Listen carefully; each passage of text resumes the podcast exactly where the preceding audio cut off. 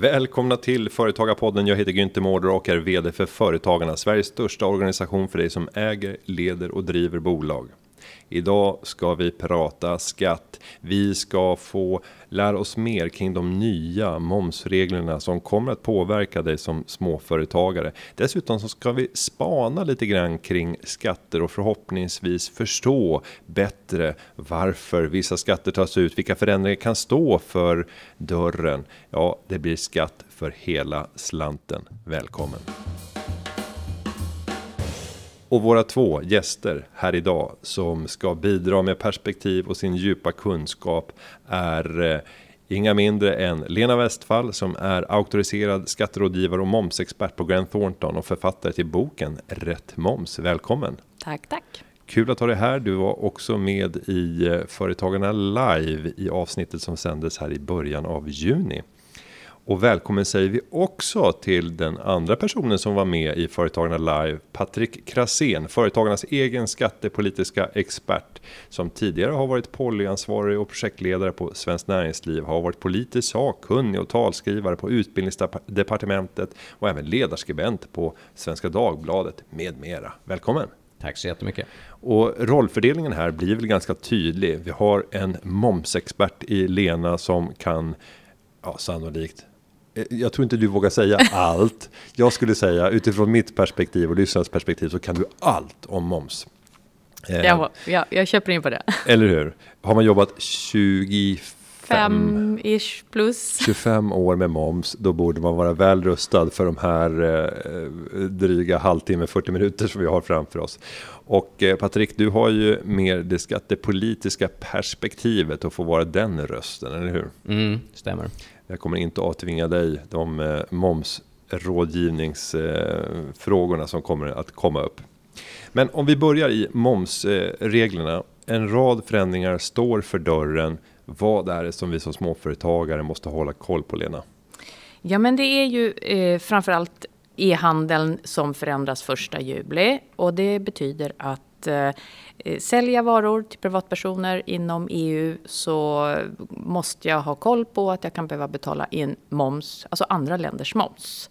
För vi får nya regler som innebär att både varor och tjänster hanteras på samma sätt. Så sälja till privatpersoner för över 96 000 kan vi säga, hela EU eh, per år så måste jag ha koll på vem min köpare är, var den finns för att kunna betala in moms till det andra landet. Men det gör jag via svenska Skatteverket. Så det är en lättnad som kommer. Jag behöver inte vara registrerad i de andra länderna om jag inte vill. Men jag kan alltså ha ett antal skattesatser som jag måste hålla koll på. Eh, beroende på vad jag har mina kunder helt enkelt. Och sammantaget, är det här en, en förenkling eller försvårning för svenska företag? Eh, det är en förenkling på så sätt att idag kan många företag med framförallt varuhandel eh, och privatpersoner pratar vi som köpare, sitta med momsregistreringar i alla länder. Och det är ju kostsamt. Du har oftast kanske ombud i de olika länderna. Eh, så att eh, den kan du nu plocka hem. Du kan alltså lämna en momsdeklaration till svenska Skatteverket, en så kallad OSS-deklaration, en one-stop shop-deklaration. Och det är en förenkling och kommer att spara pengar hos företagen. Samtidigt så utvidgar vi, och in, hittills har vi haft det systemet för tjänster nämligen. Säg att musikstreaming, böcker som laddas ner, allt sånt eh, finns redan i det här systemet jag pratar om. Varuhandeln däremot kommer in mycket mer för du, vi får lägre tröskelvärden innan man blir skyldig alltså betala moms i de andra länderna. Så att det, det är både och. Många företag har absolut en vinning av att plocka hem redovisningen nu och alltså lämna en deklaration som är mer komplett med alla länders moms till svenska Skatteverket. Eh, du kan välja fortfarande vara registrerad i olika länder.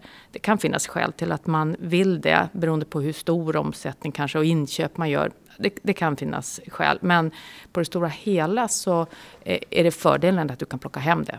Men fler kommer landa in i att de faktiskt inte bara kan ta ut svensk moms eftersom vi säljer det, eh, sänker liksom det totala tröskelvärdet för varor och tjänster till privatpersoner inom EU.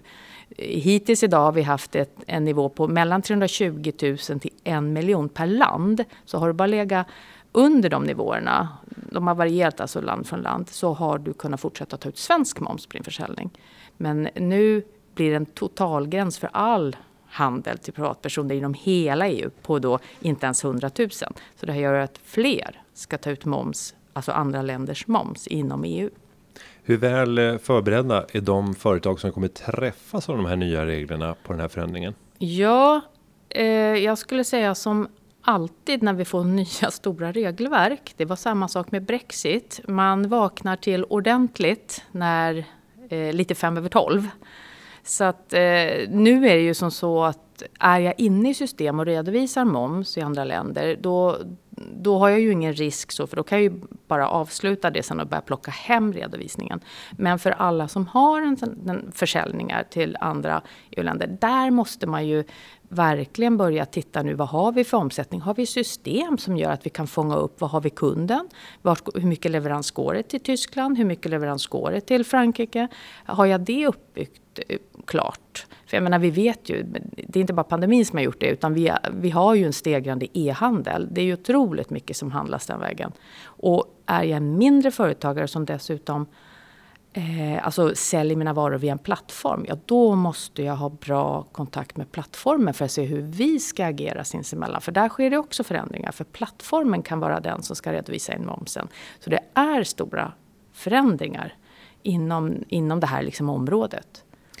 Och den här skatten som har sin föregångare i omsen, omsättningsskatten som Gunnar Sträng införde, den skulle vara tillfällig. Eh, Patrik, det känns eh, allt mindre som att den här skatten kommer att vara tillfällig. Hur viktig är momsen för eh, den svenska skattebasen? Den är väldigt viktig. Näst skatter på arbete så är det den viktigaste skattebasen. Så det är många hundra miljarder om året som momsen drar in. Och eh, det är så i större delen av Europa. Om man tittar i OECD så är det USA som eh, sticker ut med ganska låg konsumtionsbeskattning. Men eh, man har ju i takt med att staterna har växt under efterkrigstiden så har man sökt finansieringskällor från regeringars sida och då har konsumtion varit en ganska stabil skattebas. Man, alla måste ju köpa vissa saker och då har man sett att det har varit både enkelt och, och även då förutsägbart att lägga skatt på den typen av konsumtion. Och momsen ska ju drabba slutkonsumenten och det gör ju att man då kan titta på hur effektivt det här systemet fungerar för att vi har ju både in och utgående moms.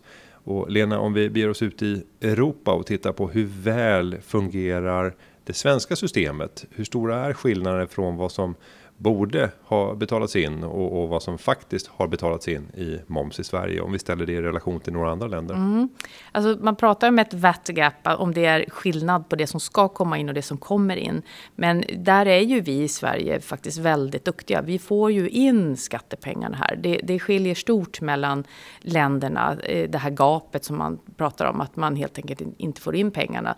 Eh, så att vi, vi har ju på så sätt ett eh, ja, både duktiga företagare som betalar in och ett, eh, liksom någonstans ett trovärdigt system. Sen är det ett tufft system att följa och det kan bli både straffavgifter och allt om man gör fel. Men, men vi får in pengarna i Sverige. Om vi nu tittar på de nya reglerna som införs. Eh, vilka, det, vilka företagare är det som du Lena skulle vilja så här, ruska om och säga det är dags att börja förbereda sig? Om vi tänker på våra lyssnare nu, vilka ska känna att mm. man borde ägna kanske lite tid åt att fundera över och sätta igång rådgivare att hjälpa en? Det är alla företag som har kunder ute i Europa och kunderna är privatpersoner framför allt.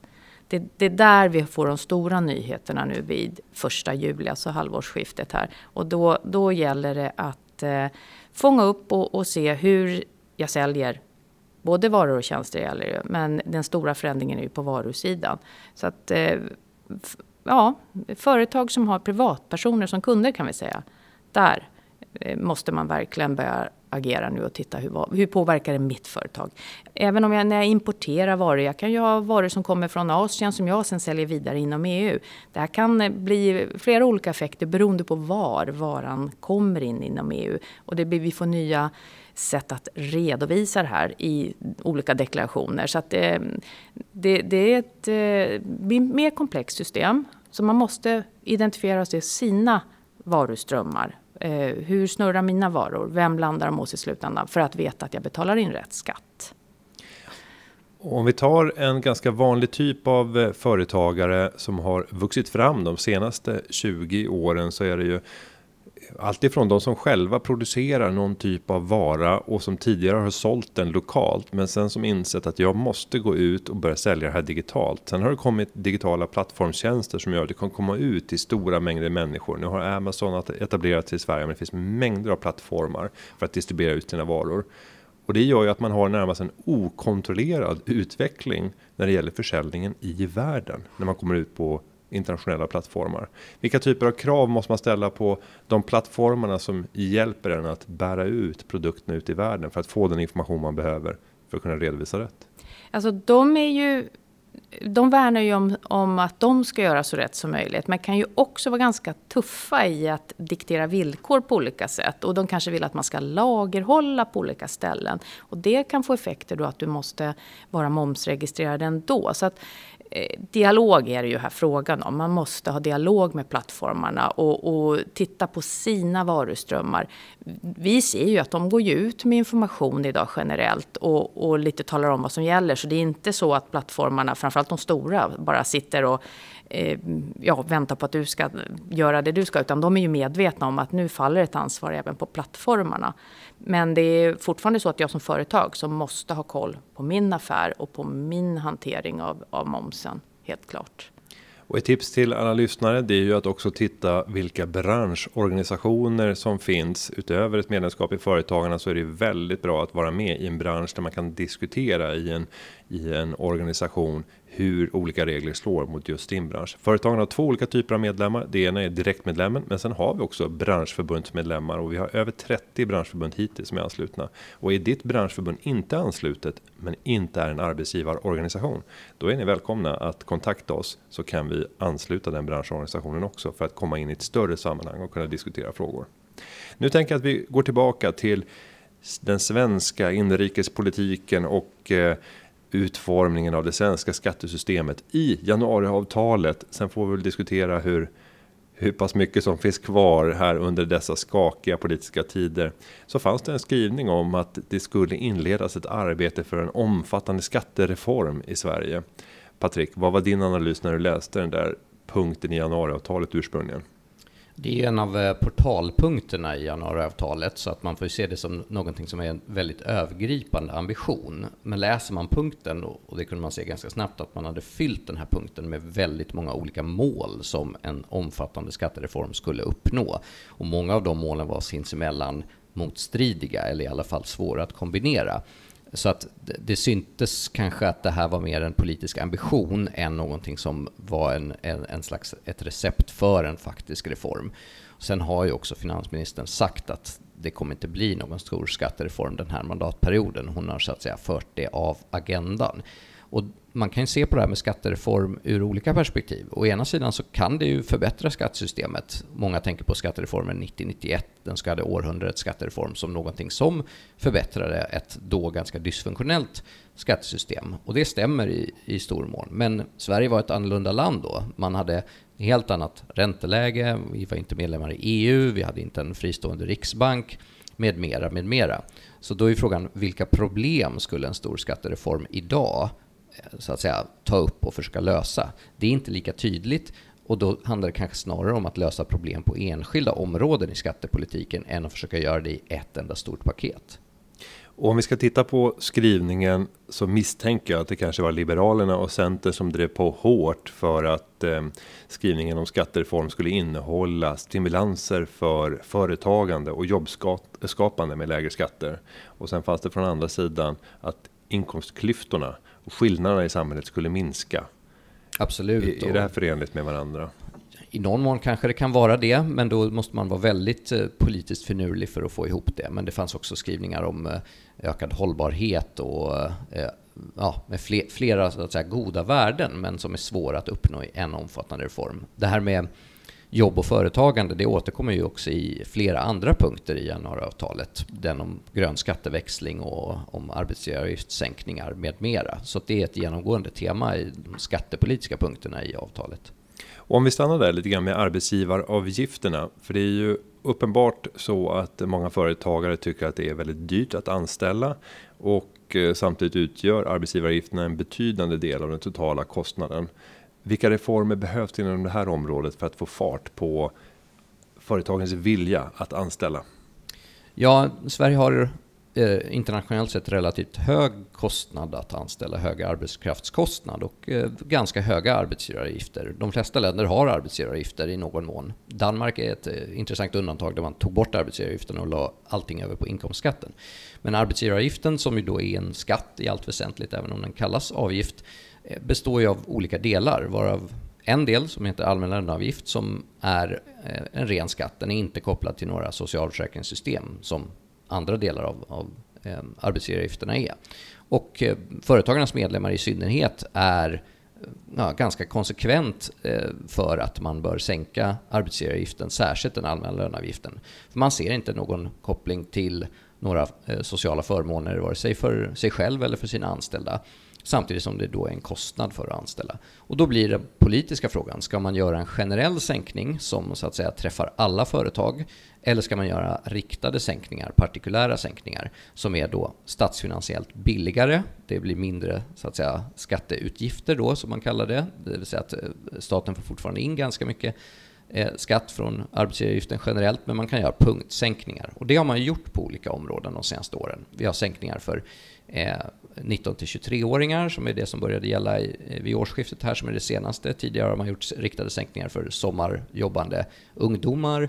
Det finns sänkningar för eh, eh vissa typer av personal, till exempel FoU-avdrag och eh, liknande. Och en reform då som eh, genomfördes för fyra, fem år sedan nu är det så kallade växa-stödet, alltså att de minsta företagen som anställer sin första medarbetare får en sänkning av arbetsgivaravgiften under ett par år. Och det där har vi varit positiva till för att det är riktat då mot de minsta företagen som är de som har, där det ger störst effekt. Och växa-stödet har också utökats, både permanent och tillfälligt nu som krisåtgärd. Och man bör nog titta på en större arbetsgivaravgiftssänkning men det är som sagt dyrt och politiskt svårt. Det tar mycket av reformutrymmet. Så att om man inte kan genomföra det så bör man gå vidare med att fortsätta sänka arbetsgivaravgifter för de minsta företagen. Och om vi går tillbaka till momsfrågan och tittar på reformer inom det här området. Ja, det fanns ingenting i januariavtalet, men man har hört en hel del, framförallt från oppositionen om att förändra moms och det handlar både om att utöka momsen som skattebas, men också om att göra om och kanske förenkla. Vad är det som eh, kokar på momsreformsidan? Ja, precis. Eh, dels är det så att vi har en ny momslag på gång, men den, eh, och där ligger utredningen så att säga klar, men den ska inte förändra vår svenska momslag stort. Den ska, den ska se över så vi är eh, förenliga med, med EU-direktivet, vår europeiska momslag. Men det är ingen stor förändring, det är mer en redaktionell ändring. Då. Men sen är det ju, vi har ju senaste åren vård och moms, Eh, stor förändring såklart, eh, har påverkat på många olika sätt och det, där pratar man ju mycket nu och, och tittar på istället kompensationssystem. Eh, här finns det ju olika sätt att fundera på om man istället skulle ha noll skattesats. alltså förändra skattesatserna är en het fråga. Vad, vad är rätt skattesats? Ju fler vi har, eh, desto mer komplext blir det också för företagarna att hålla reda på. Hyror och moms, alltså uthyrning av fastigheter är ju momsfritt Eh, det är inte bra för många, många, inom många branscher därför du kan ha svårt att få hyra eh, lokaler helt enkelt. Eh, det är bara två exempel där det, där det ändå rör på sig. Så både, med, ja, och, både vård och skola, alltså de momsfria områdena överhuvudtaget, sitter ju tufft till från och till. För man, eh, man har både ett komplext system att hantera och man kan ha problem att till exempel hyra lokaler. Så att, eh, ja, det, det bubblar, bubblar väl lite här och var och man har upptäckt att man faktiskt måste tänka till och se över lite med momsen. Mm. Patrik? Det är ju så att vi har då tre momssatser på det som man betalar moms på. 25% är normalmomsen och så har vi 12% och 6%.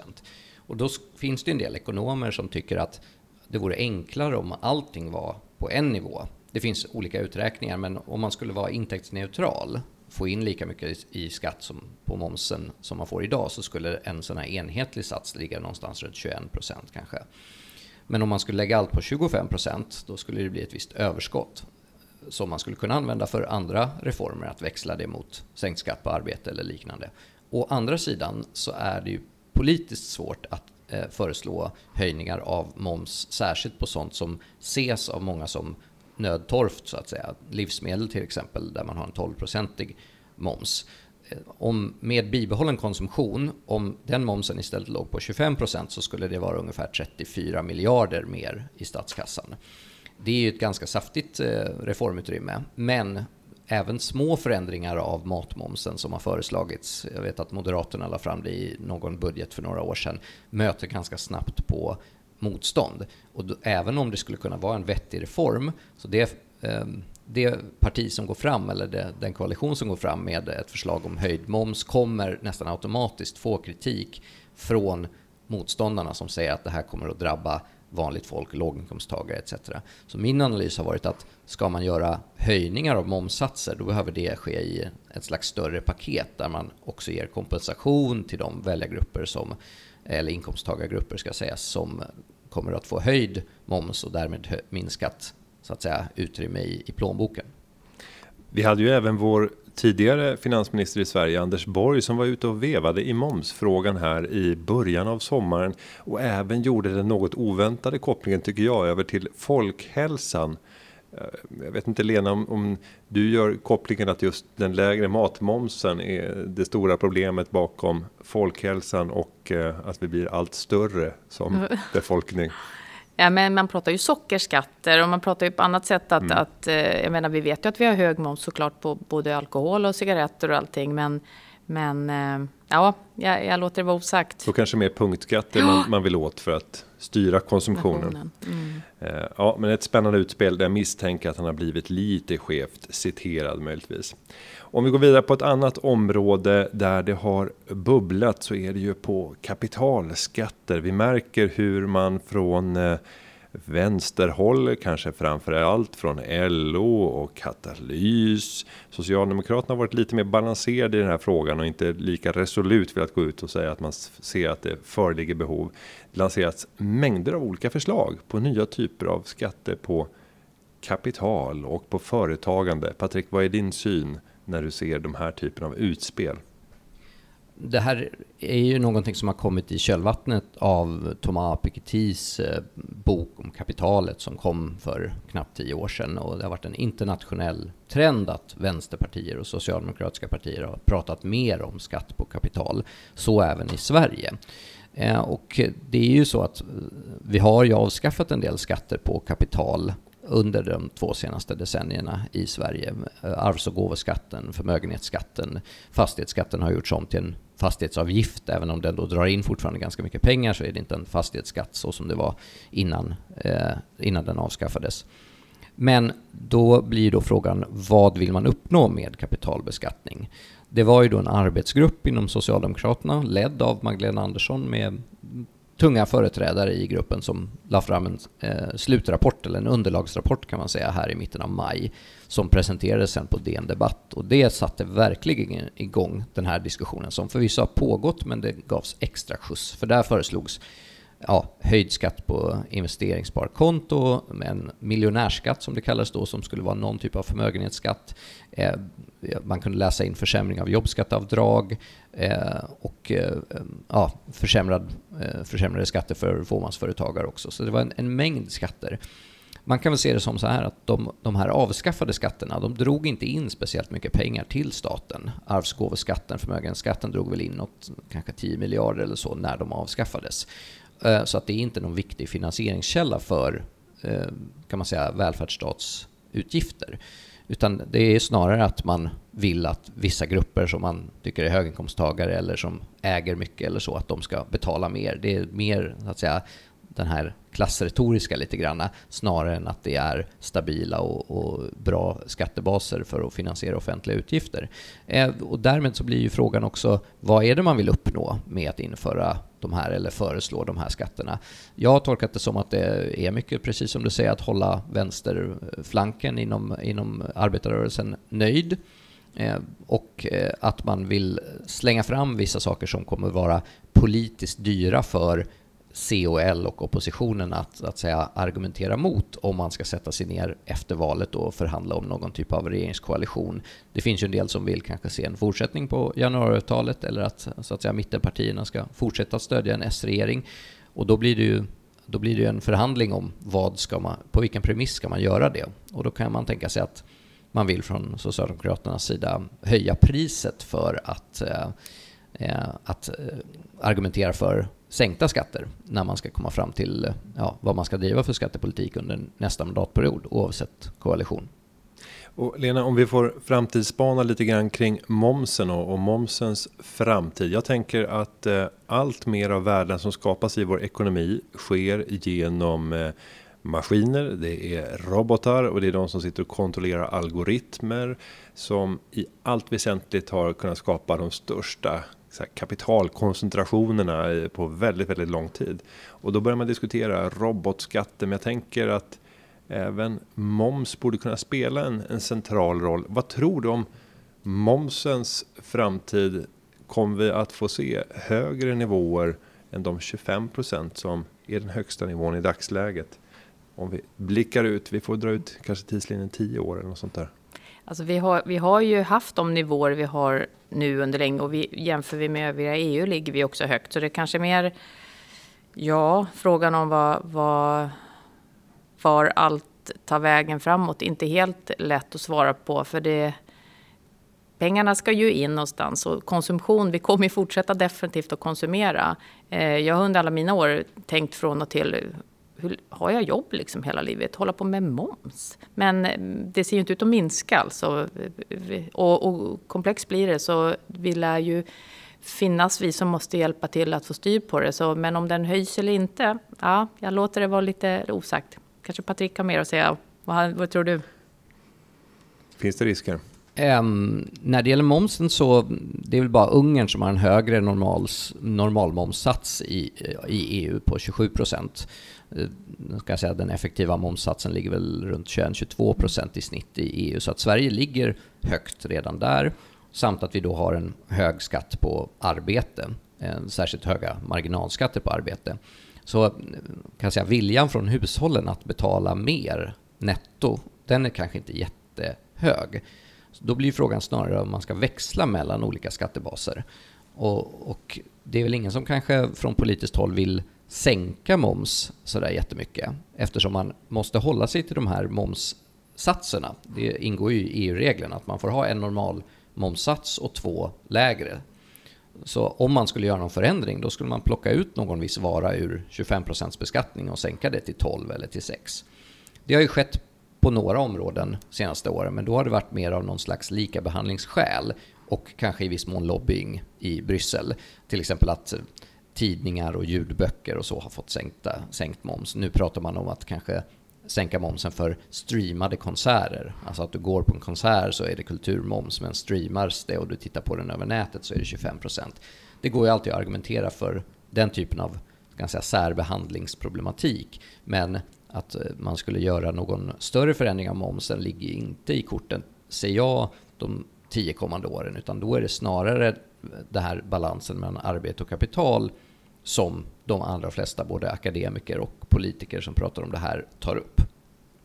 För just momsen innehåller ju delar som är svåra att fullt ut begripa. Jag vet att vi inom Företagarna har hjälpt ett av våra branschförbund med att driva frågan om momsen på djurfoder. Det är en sån där fråga. Att om du köper en matvara i butiken som inte har ett husdjur på sig. Ja, men då betalar du den lägre momsen, det vill säga nu får vi hålla tungan rätt mun här. 12. 12 procent.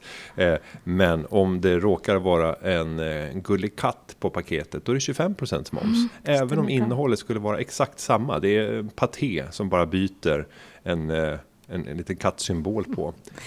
Hur, hur ja, lite, li, lite så är det ju faktiskt. För, för det är ju alltså mat som är ämnat för människor kan vi säga. Eh, det, det, är ju där vi ska ha den lägre momssatsen. Och, och det är klart, sen, sen, är det ju vissa livsmedel som kan hamna precis i kanske tvärsnittet där. Vad, vad är, är, det, är, det, är det, kan det intas av människor också? Men, eh, men det är samma sak med olika... Jag menar, det, det tänk alla shejker och allting när du tränar och alla sådana. Vi får ofta frågor, är det, är det en lägre momsen på de här ämnena? Eh, det finns ju en uppsjö av, av den typen av, av, eh, livsmedel faktiskt. Så att eh, då är det ju våra domstolar eller i slutändan eh, EU-domstolen som kan komma med, få ärenden på sitt bord och alltså får vi en praxis som styr. Så det, det är ju hela tiden sånt som utvecklas. Och hur, hur pass oförutsägbara är de processerna när man prövar det här i högre instanser? Brukar man tendera att, att vinna och få den så att säga folkligt eh, så här, bekräftade eh, uppfattningen att, ja. bli, att bli till lagstiftning. Om, för om man tar det här exemplet med, med djurfoder och vanlig mat och bara byter en, en etikett och så ändras momsatsen. De flesta skulle säga att nej, men det här är absurt. Själv, ja. Självklart ska det vara samma. Men vad brukar hända när det här prövats rent rättsligt? Eh, ja, här kan man ju gå lite olika vägar. Alltså, normalt sett får du problem om man säger med Skatteverket att man tycker att du har använt fel skattesats. Då, då kan det bli en process med Skatteverket och sen kan, är det något du kan överklaga till domstol. Och då är det ju en, har man ju en lång process framför sig. Är man därför ett, ett företag som är i startgroparna för någonting, ja, då söker man kanske istället ett förhandsbesked hos Skatterättsnämnden. Och det är en mycket, mycket liksom kortare process för att veta mer framåtsyftande hur jag ska agera. Och det kan du också få då prövat i, i Högsta förvaltningsdomstolen. Men sen är det ju EU-domstolen ytterst som eh, vi tittar på. För där har vi ju den, den mest liksom, jag på säga, riktiga praxisen som vi måste följa. Mm. Men även där så kan det ju vara olika tolkningar i olika länder. Jag tänker på vårdmomsen till exempel, att fram tills nyligen så räknades uthyrning av vårdpersonal som en vårdtjänst och därmed skulle det vara momsbefriad. Men sen kom man då fram till att eh, man gjorde en omtolkning och konstaterade att det här är uthyrningstjänster även om det handlar om vårdpersonal och då ska det vara 25% moms. Och det är för ett företag som har gjort en investering och tänker sig en eh, liksom, horisont om hur länge de ska vara verksamma och kanske har avtal med regioner och andra, att i princip över en natt behöva ställa om, nu var det inte kanske över en natt, men på ett, ett knappt halvårs sikt behöva ställa om sin kostnadsbild och sin eh, kalkyl på avkastning och, och, även göra om redovisningssystem och, och, skriva om avtal. Det är en enorm rättsosäkerhet när sånt kan ske i princip bara med genom ett domstolsavgörande. Nu är det ju den världen vi lever i, att eh, all skattelag är inte 100% tydlig i lagstiftningen. Det behöver tätas här och där. Eh, Skatteverket gör ju sådana här rättsliga vägledningar eller ställningstaganden där de säger att vi tolkar den här situationen på det här och det här sättet. Det är egentligen inte lagstiftning utan det är någon slags delegerad normgivningsrätt. Och de kan också sen hamna i domstolsprocesser. Men för små företag så är det här med att driva process mot Skatteverket upp i HFD eller försöka komma upp till EU-domstolen. Det är ju omöjligt för de allra flesta. Så att man vill ju ha så tydliga regler som möjligt eh, från lagstiftarens sida. Men på många områden så är det inte lätt. Marknader förändras och eh, andra länder gör på andra sätt som föranleder plötsligt kanske att EU-domstolen ändrar sin praxis också. och Då måste Sverige ta hänsyn till det. Så att det och det är inte bara på momsområdet, men man ska säga eftersom momsen och punktskatterna är de enda skatterna som är harmoniserade på EU-nivå så är det ändå där man tittar på EU-domstolen, precis som Lena säger. När det gäller inkomstskatt och arbetsgivaravgifter och sånt, då är det en nationell fråga. Där kan man också behöva brottas med Skatteverket, men den här snabba förändringen som sker genom ett EU-domstolsavgörande har inte den påverkan på de områdena på det sättet. Och när man gör den här typen av, av prövningar så misstänker jag att eh, konkurrensfrågor och frågor om konkurrensneutralitet är inte de som väger tyngst när man ska avgöra, avgöra ärenden. Om vi tar till exempel uthyrning av, av sjukhus, eh, vårdpersonal eh, och när man belade det med, med moms så skapade det ju det potentiella stora skevheter med till exempel privata utförare som gör jobb som annars utförs av regionen. Regionen skulle kunna ha en bemanningspool mellan sina sjukhus där man slussar människor likt ett bemanningsföretag, men lyckas då slippa den högre momsatsen. Den här typen av, av aspekter, konkurrensdimensioner, väger man in det i eh, domar? Nej, så här att det finns ju vissa verksamheter, vissa områden i ekonomin som är momsbefriade. Utbildning, vård, finansiella tjänster, men även då kommunsektorn är ju eh, mer eller mindre momsbefriad. Och det gör ju att, eh, ska jag säga, vi pratade tidigare om VAT gap som är då skillnaden mellan hur mycket moms man bör få in och hur mycket moms man får in, där Sverige är bäst i ligan. Men det finns också något som kallas för policy gap och det handlar om hur stor del av så att säga, ekonomin använder man som skattebas för momsen och där ligger Sverige aningen lägre än EU-snittet om jag minns rätt. Och då är ju frågan, bör man inkludera fler områden i momsen? Eh, bör kommunerna börja redovisa moms till exempel? Där har vi en konkurrensneutralitetsfråga. Men det är ytterst en politisk fråga. Det kommer inte så att säga en domstol att ta ställning till eftersom de ska tolka gällande rätt och gällande rätt är att det är momsfritt inom kommuner. Om vi ska börja dela ut lite smarta tips till våra lyssnare och börjar i, i momsfrågan och då kanske man ska vända på frågan och prata om lite misstag som företagare gör kopplade till momsen för att få med sig lite tips här kring vad man kan tänka på när man har lite tid över sommaren. Vad ska jag göra för att vässa företaget och slippa att undvika de vanligaste misstagen? Lena, mm. vad skulle du säga är de vanligaste misstagen där man kan åtgärda? Och...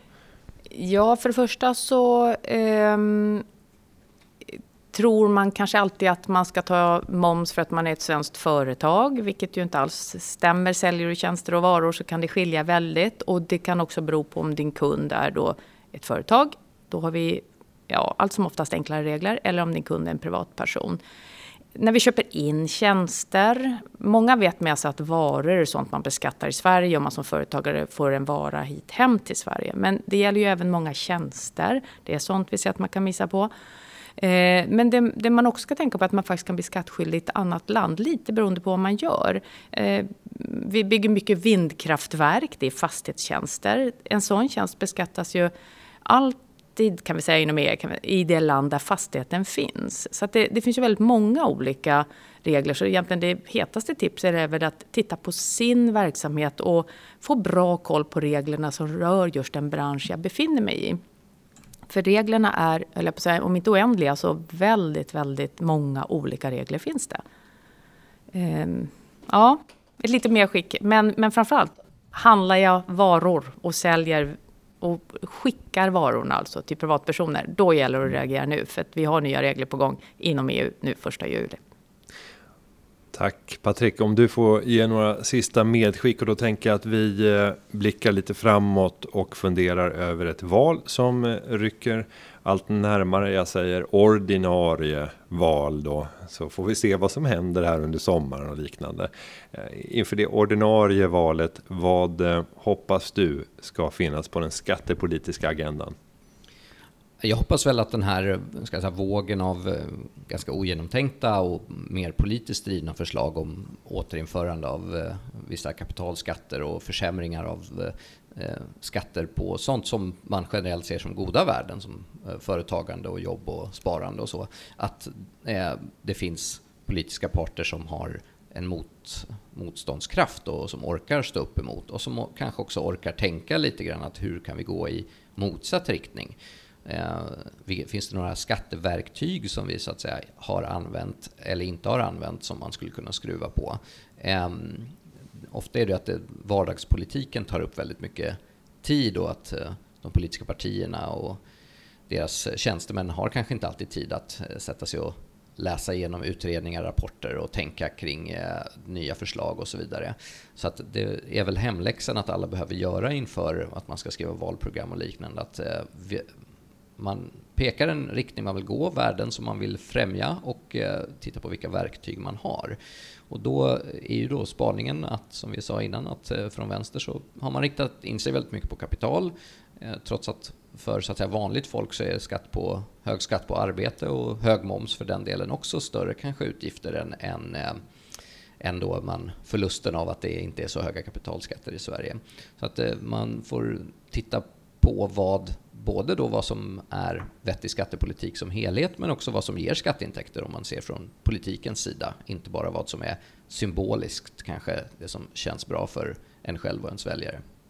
Mm. Vi, eh, vi får se vad valrörelsen kommer att innehålla Fram till dess vill eh, vi här från studion önska en fortsatt glad sommar och jag vill tacka Lena Westfall för att eh, från Grant Thornton för att du kom och delade med dig av dina momskunskaper och Patrik Krasén för alla spaningar ut i det skattepolitiska området. Stort tack! Tackar! Tack. Och jag ska säga för er som eh, vill ha fler svar på skattefrågor och eh, undrar hur man ska hantera olika saker eller eh, behöver kunskaper helt enkelt för att hantera sin, sin situation som företagare i relation till skatt. Gå in på företagarna.se. Där finns mängder av både filmer, texter och annat inspirerande material som gör att du kan lösa dina vardagliga problem. Eh, dessutom så har vi sändningen om eh, de nya momsreglerna Företagarna Live. Den hittar du genom att bara googla egentligen Företagarna Live och då kommer det dessutom upp tror jag 30 stycken sändningar till som alla behandlar något enskilt område där vi tror att du genom de här kunskaperna kan lyfta ditt företagande till en ny nivå. Underlaget för dagens sändning är gjort av David Hagen och klippningen är som vanligt gjord av Petra Cho. Vi hörs igen nästa vecka hela sommaren. Tack och hej!